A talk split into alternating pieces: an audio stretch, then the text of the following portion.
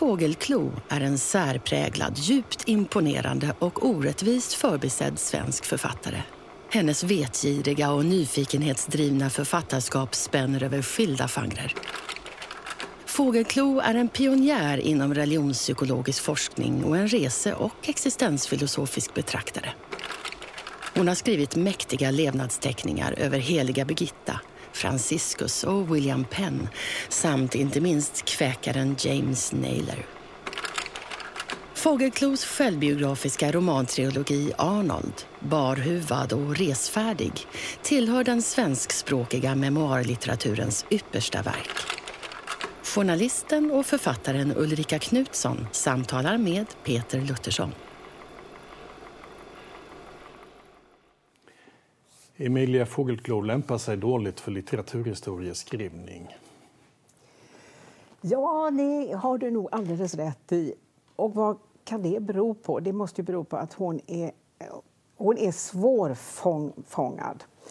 Ehm, alltså, hon är så mycket på en gång. Den stora anledningen till att folk inte kan omedelbart förstå Emilia Fågelklo det tror jag är bildningsbrist.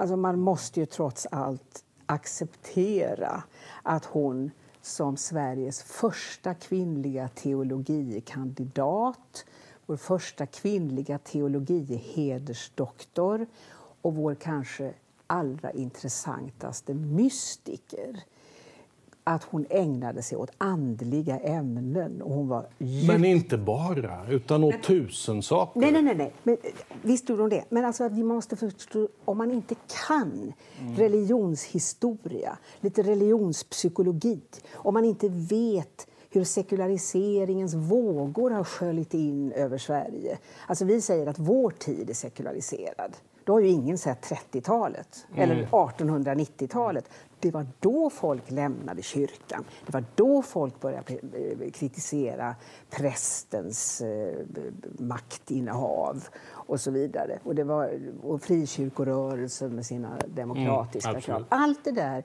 måste man ju kunna för att ha utbyte av Emilia Fågelklo. Och sen Eh. en dimension av det där det är ju också att hon är ju inte konventionellt kristen. Alltså hon, hon finns i, kan man säga, Geijer och framförallt eh, Viktor Rydberg-traditionen. Det här med att eh, Gud är inte någon som vi har en massa påbud ifrån utan det är något som finns inom oss och som vi måste upptäcka på egen hand. Jesus som säger att jag tror inte på de där sagorna om jungfrufödsel och så. Men Jesusgestalten blir viktig som en förebildlig människa. Ja, visst. Eh, liksom eh, Franciscus. Och eller Gandhi. Eller Gandhi. Eller Birgitta. Mm. Eh, alla som hon har skrivit om. Men när du säger det här att hon, eh, eh, att hon inte var konventionellt kristen, nej, det är ju helt riktigt. Och hon, också där var hon pionjär. Hon sökte sig eh, till eh, kväkarna. Hon blev kväkare på 30-talet och hon startade kväkarrörelsen, Vännernas samfund i Sverige. Hon blev först medlem i eh, brittiska ja. Society of Friends i början på 1930-talet. Ja. Men jag tänkte tillbaka till här att hur man ska förstå henne. Att, att hon alltså...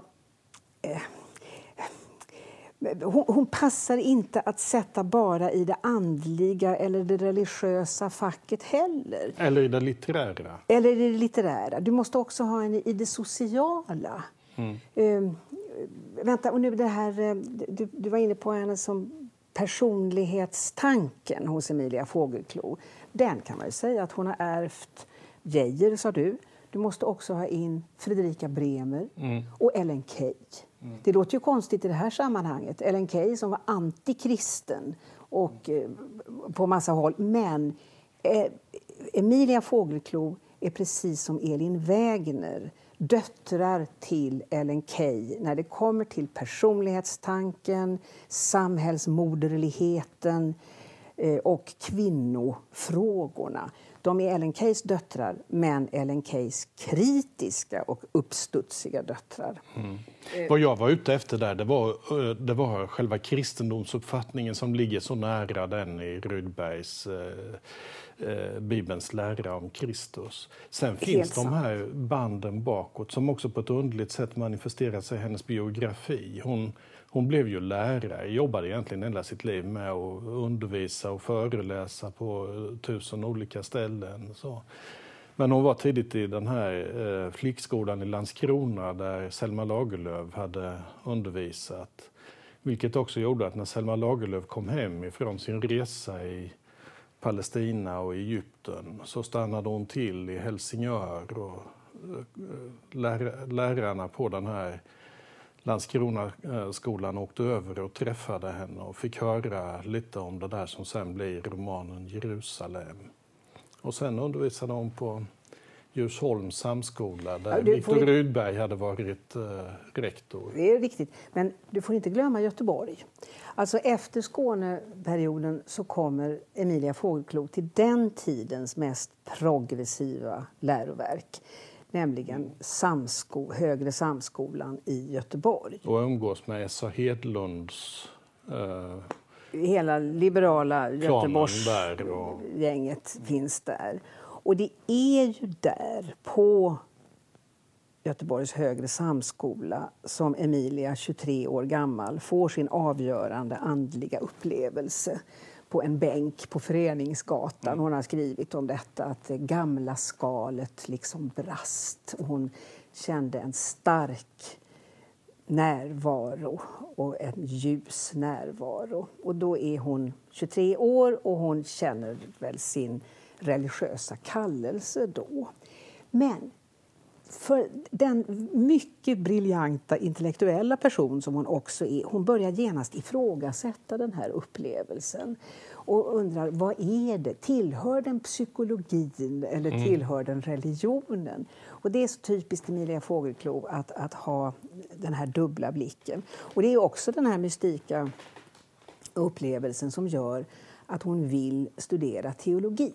Hon vill helt enkelt undersöka med vetenskapens metoder om det här är en upplevelse som faller inom det kristna fältet eller inom det psykologiska. Mm. Hon vill se efter vad kan man göra åt det. Så då får hon, tar hon tjänstledigt och kommer till Uppsala. Och, eh, Studerar för Nathan Söderblom? Ja, bland andra. Hon, bland hon studerar andra. ju som ensam, nästan ensam kvinna bland alla de här männen så studerar hon ju för alla professorerna. Och hon beskriver hela... hur några, några av... För, för några, hon, hon hade nog kunnat...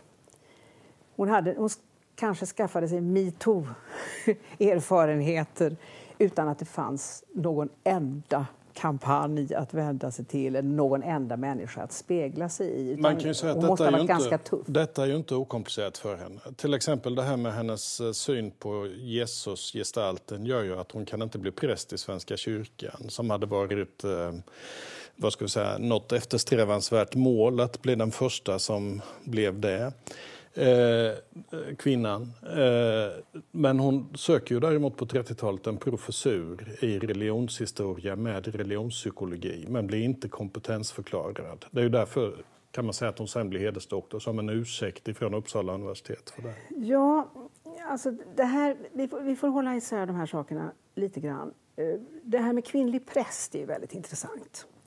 Alltså hon, hon blir teologikandidat 1909.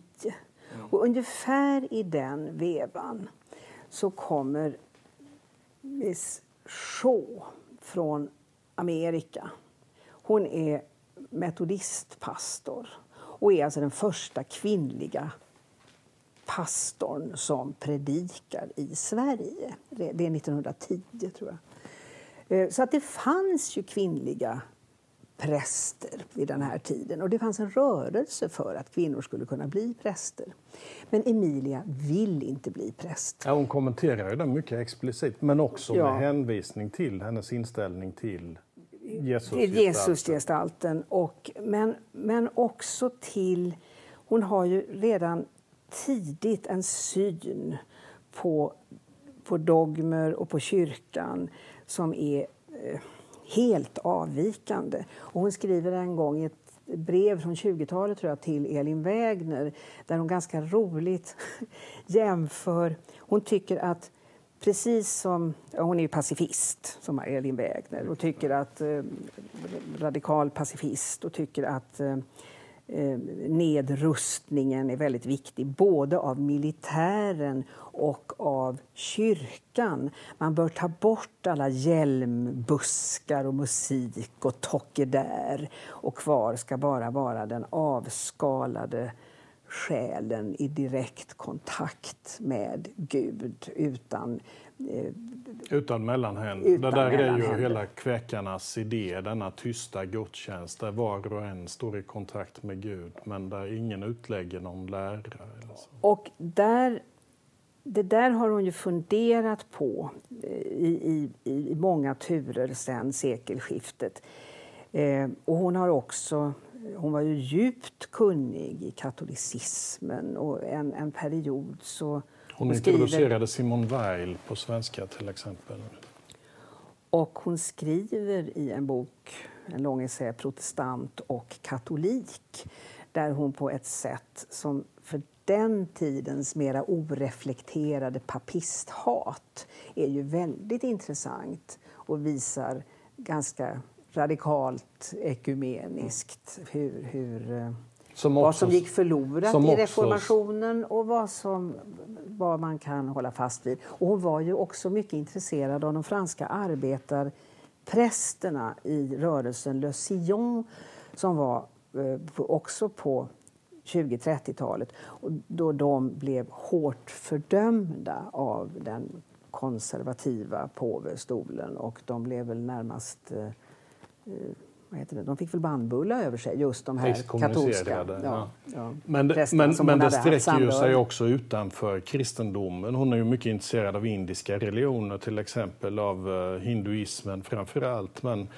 uh, på många sätt skulle sikherna ha passat henne bättre eftersom de har lite likartad gudsbild, någon som inte har några påbud och att man istället söker efter visa gestalter att lyssna till. Och, och i praktisk handling manifestera medmänsklighet och omtanke. Så. Och detta med praktisk handling är ju också viktigt redan från början. Eh, hon är närmast organisk demokrat också. Och hon suckar någonstans att, att varför har mitt hjärta alltid haft lättat att älska till vänster, säger hon. Eh, hon har väl en fundamentalt liberal syn på, på tillvaron. Men eh, hon har arbetar inga, mycket hon har inga illusioner om de socialistiska staterna. Nej, nej, nej, absolut inte. Till skillnad då från en del av, mm. av Fågelsta-kvinnorna som hon ju umgicks mycket med. Elin Wägner är en, men också Elisabeth Tam och Honorina Hermelin eh, är ju mycket goda vänner. Eh, nej, det har hon. Hon är tidigt eh, hennes eh, kritiska intellekt ser ju auktoritära system väldigt tidigt. Och jag tänkte med det här det demokratiska, ett exempel på det. Hon är alltså också den första eh, eh, svensken som presenterar Walt Whitman på svenska, mm. den berömde amerikanske nationalpoeten som ser mm. mänskligheten och sig själv i varje grässtrå och sjunger demokratins lov. Det är så typiskt. Och kvinnors och mäns eh, likställighet. Det är så typiskt att det är Emilia som ser detta. Om man tittar, om man tittar på, jag vill ta upp en punkt där, men för att komma till den kanske man ska säga någonting ytterligare om hennes liv. Um, 1914 kontaktas hon av en eh, docent i geografi i Lund som heter Arnold Nordlind. De kommer sen att gifta sig 1922. Hon är då 45 år, ungefär 44 eller vad det kan vara. Ja, det, det och, och, han är sjuk redan då. Och deras förhållande varar i sju år, sen dör han. Och om detta handlar första delen av hennes självbiografiska roman i tre band. Den heter Arnold. Den sista delen där, den handlar om vad som händer efter Arnold. Den andra delen handlar om hennes barndom och fram till mötet med honom. Men den sista delen där börjar då när han dör 1929. Då får hon ett stipendium till USA av Svenska Amerikastiftelsen och hon kommer till Columbia University. Och det är ju precis under the Great Depression och hon blir oerhört imponerad av USA att man försöker göra så mycket för att hjälpa de som är drabbade. Det är hennes bild av det i alla fall. Ja, och där, det är hon ju inte ensam om. Där är hon ju precis ett stort gott sällskap. Gunnar och Alva Myrdal i Amerika vid ungefär samma tid och det är då som mm. Myrdal skriver en American Dilemma om, om de svarta och medborgarfrågan. Eh, Bertil Ohlin är där och tittar. Mm. Alltså, Emilia Fågelklo ingår ju i den svenska liberala socialdemokratiska intellektuella rörelser som åker till Amerika och hämtar inspiration. Jag tycker man kan mm. kalkera dem på varandra. Men, men där är hon naturligtvis inte med eftersom vi har så svårt att hantera personer som är så mångsidiga. De flyr undan. Och just alltså ett starkt socialt engagemang eh, intresse för, ett, för det amerikanska systemet och samtidigt den här innerliga, mystika, religiösa erfarenheten. Det, det, det, det, är svårt att fånga in henne. Den andra delen i den där självbiografiska romansviten den heter Barhuvad. Och anledningen till att den heter Barhuvad är att det griper tillbaka på en eh, episod i en av Heidenstams böcker där eh, en historisk skildring där en person ställs inför frågan vilket av tidens två partier han stödjer. Man, någon frågar honom. Är du hatt eller mössa? Och han svarar barhuvad. Det är att vara ideologiskt oberoende. Och så uppfattar jag det är verkligen hennes egen hållning också. Ja, ideologiskt oberoende och öppen för, för strålningen. Det är hennes, ett av hennes mm. begrepp. Jo, Form och strålning. Mm. Men också sånt som inlevelse och insikt och att se Gud hos sin nästa och så. Precis. Hennes, eh, hennes mest, en av hennes mest kända titlar vid sidan av Arnold ehm, som vi borde prata lite mer om. Ja, det, är det, det, är ju hennes verkliga litterära mästerverk. Annars så skriver hon inte så lätt. Jag tycker hela sviten är fantastisk. Ja, men Arnold är Den speciell. sista delen också. Eh, men Arnold är speciell. Eh, men jag tänkte bara det här med att hon skriver om i sin mest berömda essä, som också är en boktitel här, Den allra vanligaste människan, som I någon nu när vi sitter här, alldeles aktuell utgåva? Ja, den är, den är ångande färsk från tryckeriet. Eh, och, eh, och det är väldigt skojigt att den har kommit i den här lilla är eleganta... Vacker, vacker bok. Ja. Ja, Lotta Kühlhorn vet vad hon gör.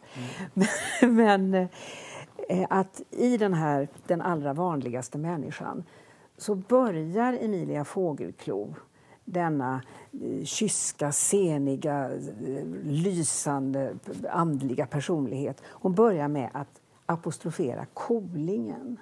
Alltså en, en populär gestalt som super och har trasig frack och han har satt en, en blåsippa i knapphålet.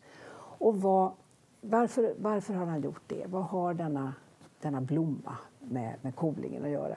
Jo, den representerar hans längtan, hans skönhets och andliga längtan. Och detta är utmärkande för människor.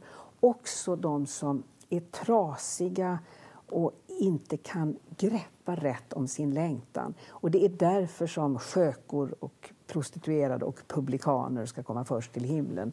Därför att de har den starkaste längtan. Och det här griper mig fortfarande. Jag tycker att det är så, det är så oväntat att hon ser Kolingen som en broder. Mm. Och jag gillar det. Mm. Och det där är Emilia i ett nötskal med hennes starka andliga intresse och, och som är fokus för alla som har intresserat sig för mystik tradition i Sverige. Eh, Sven Stolpe kallar henne för vårt enda helgon. Mm. Det, det är vårt enda moderna helgon. Rätt intressant. Men hon är ju också hela tiden på jakt efter den sociala förändringen. Och vi pratade om sekulariseringen i 30-talet. Då skriver hon en lång forskningsrapport om livsåskådning bland unga mm. arbetare. Där hon verkligen på ett sätt som skulle göra dagens religionspsykologer eh, mycket imponerade, letar efter... Alltså vad är, vad är andlig längtan bakom det sekulariserade? Hon tycker inte det är konstigt att unga människor vänder kyrkan ryggen, vill förverkliga sig själva. Det är en individualistisk epok. Men hon ser ju också paradoxen i detta. Att... Men du vet, det där, hon, hon städade ju delvis undan det där, den typen av vetenskaplighet i sitt lite senare tänkande. Eh, nu vill jag säga ja, det, Där håller jag saker. inte med dig. Jag ja. menar att Emilia Fågelklo aldrig släpper sitt skeptiska grepp det sa jag, helt och det, hållet. Det sa jag inte. Utan jag säger att det som växer fram hos henne är också en ganska stark vetenskapskritik och en viss misstro emot den typen av metoder som bygger på distinktioner, logik, systematisering och sådant. Det beror på vad det gäller. Utan hon, det beror, det beror på vad det gäller. Hon säger att naturvetenskapen till exempel den fungerar ju bra inom naturvetenskapens ämnesområde. Men eftersom man utsträcker dess metoder till en massa saker där den inte hör hemma så driver den också fram någonting annat. Den driver fram ett övergivande av själ och ande. Alltså genom att man betraktar människan som en spolmask förändras hon på sitt sätt också till en spolmask. Den understöder en överdriven materialism. Den gör verkligheten mer endimensionell än vad den är. Hon säger om teknologin att eh, vi blir våra trälars trälar. Vi blir våra redskaps redskap. Och då hade hon ändå inte sett datorer och mobiltelefoner. Nej, nej men alltså hon, hon ser ju moderniteten och hon ser också vad, vad modernit, vilka offer moderniteten kräver på det andliga eller det sociala planet. Eh, och där skriver hon ju också folk eh, vojar sig om kubismen som eh, konstnärlig mm. metod och klagar på att man ser en kjolflik här eller en ögonfrans där. Vad är det mot dagens tidningsrubriker med där en, en, flik av mord och en flik av krig och en flik av heminredning. Mm. Det är precis, där är kubismen rena rama realismen, säger hon. Men vad jag är ute efter det är att hon menar att genom att ensidigt inrikta sig på den här kunskapsvägen som går genom empiriska experiment och distinktioner och logik så stänger man ute annan kunskap och andra kunskapsområden. Hon talar ju om så att säga att um, vissa saker får man kunskap om genom att gripas, att drabbas, att i djupet av sin själ erfara. Och, där... och det är till exempel gudsupplevelsen men också sådant som skönhetsupplevelsen. Oh ja, och där det vetenskapen jag, inte kommer någon vart. Det, och det, det, hon är intresserad av de frågorna och där kan man säga att hon, hon föregriper ju debatter efter 50-talet. Alltså vår hon är, hon är mycket frågor. samtida hon är hela tiden, med oss. Ja, ja nu. det är hon. och jag tycker att hon gestaltar detta allra vackrast i Arnold som är ett kärleksporträtt av hennes döde make. Och eh, och en väldigt, väldigt originell bok om lycklig kärlek som man ibland läser lite grann med skämskudde för man tycker att det här, åh hjälp, det här är för pinsamt. Och Arnolds, eh, Arnold som framstår som någon sorts korsning av Emil i Lönneberga och eh, Selma Lagerlöfs Kristuslegender. Det, det är lite too much. Men det är ett underbart too much. Och eh, det det, vill man lära känna Emilia Fågelklo så måste man gå Då ska man börja Arnold. där. Jo, det tror jag också. Hur, eh, hur kärleken besegrar döden. Och att det är... Vi säger att vår tid har mörka moln vid horisonten. Eh, det är ju ingenting mot 30-talet. Men att det här var en bok som kunde värma efter kriget och som kan göra det i vår tid också. Men det är ju också en bok som på ett fantastiskt sätt beskriver ett förhållande som är en, låt oss kalla det, känslo-, tanke och arbetsgemenskap.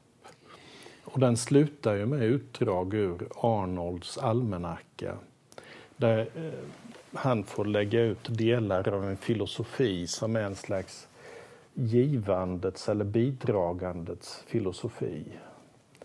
man ska inte be om någonting annat än få möjligheten att ge och bidra.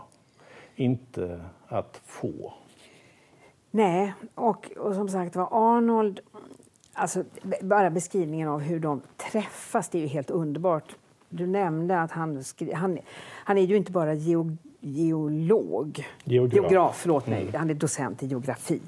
Eh, utan han är ju också känd som en Dante-översättare. Han sitter och jobbar med Divina Commedia när han hör av sig till Emilia. Så Han skickar med sina första, första sången i eh, För han tror att, han har ju läst henne i tidningarna så att han tycker eh, det kan man verkligen säga en beröring. Man skickar över Dante så här. Är En fin flörtinledning. Men vad han skriver är ju att han tror att de, gemen, att de har något gemensamt med Dante-världen.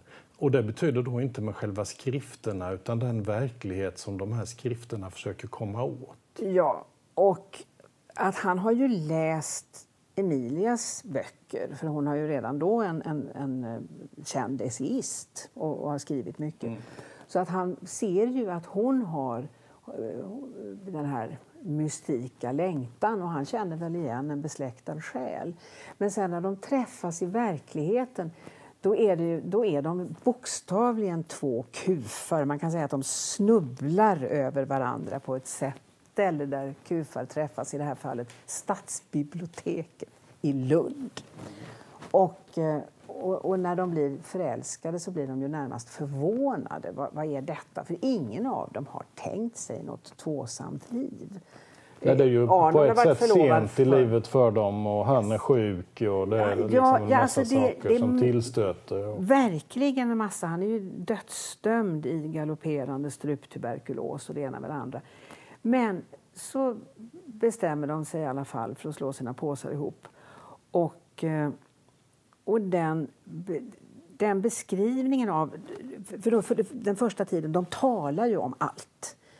Tills Arnold får talförbud. Han har ju sin strupe att tänka på. Och då är det som att då blir det ännu bättre därför att språket, det är bara tankens handikappredskap. De kan ju naturligtvis nå varandra ändå, så de sitter där i Arnolds sjukrum och strålar mot varandra. Och det är det jag menar att det här är en smula too much. Om det inte var så Men sen, vackert. sen omsätter hon ju den vad ska vi säga, kunskapssynen i praktisk handling när hon, när hon är i Berlin i slutet av 30-talet i kväkarnas mission där för att hjälpa judar att komma ut ifrån Tyskland, vilket är svårt, inte för att tyska myndigheter då lägger hinder i vägen utan för att ingen vill ta emot dem. Inget annat land vill släppa in dem. Och eh, i slutet av kriget när hon är verksam på Visingsö och tar emot eh, 300 koncentrationslägerskvinnor från Polen, dels polska kvinnor, dels judiska kvinnor. Eh, och upptäcker då det här erfarenhetsglappet mellan de nationer som har varit prövade och eh, det förskonade Sverige, hur det påverkar människors tänkande och så. Sen går hon vidare och åker till den nya Israel och studerar hur de tar emot människor som strömmar till ifrån olika kulturer, olika länder och olika språk genom att bygga arbetsgemenskaper. Men Ulrika, nu har vår halvtimme gått. Det är för jäkligt. Jag tycker vi har mycket kvar att prata om här. Alltså. Ja, men, men alla de här sakerna sammantaget det, det visar ju att hon är vår samtida fortfarande. Och då är det ju tråkigt om hon ska smita mellan fingrarna både Ja, på bara den för- läsande allmänheten och på kulturhistoriskt Bara för man intresserade vill ha forskare. någon, eh, någon poet som eh, man kan upptäcka knep och knåp hos. Men det är hon- jättetrist. Ulrika, Tack så tack mycket. så mycket.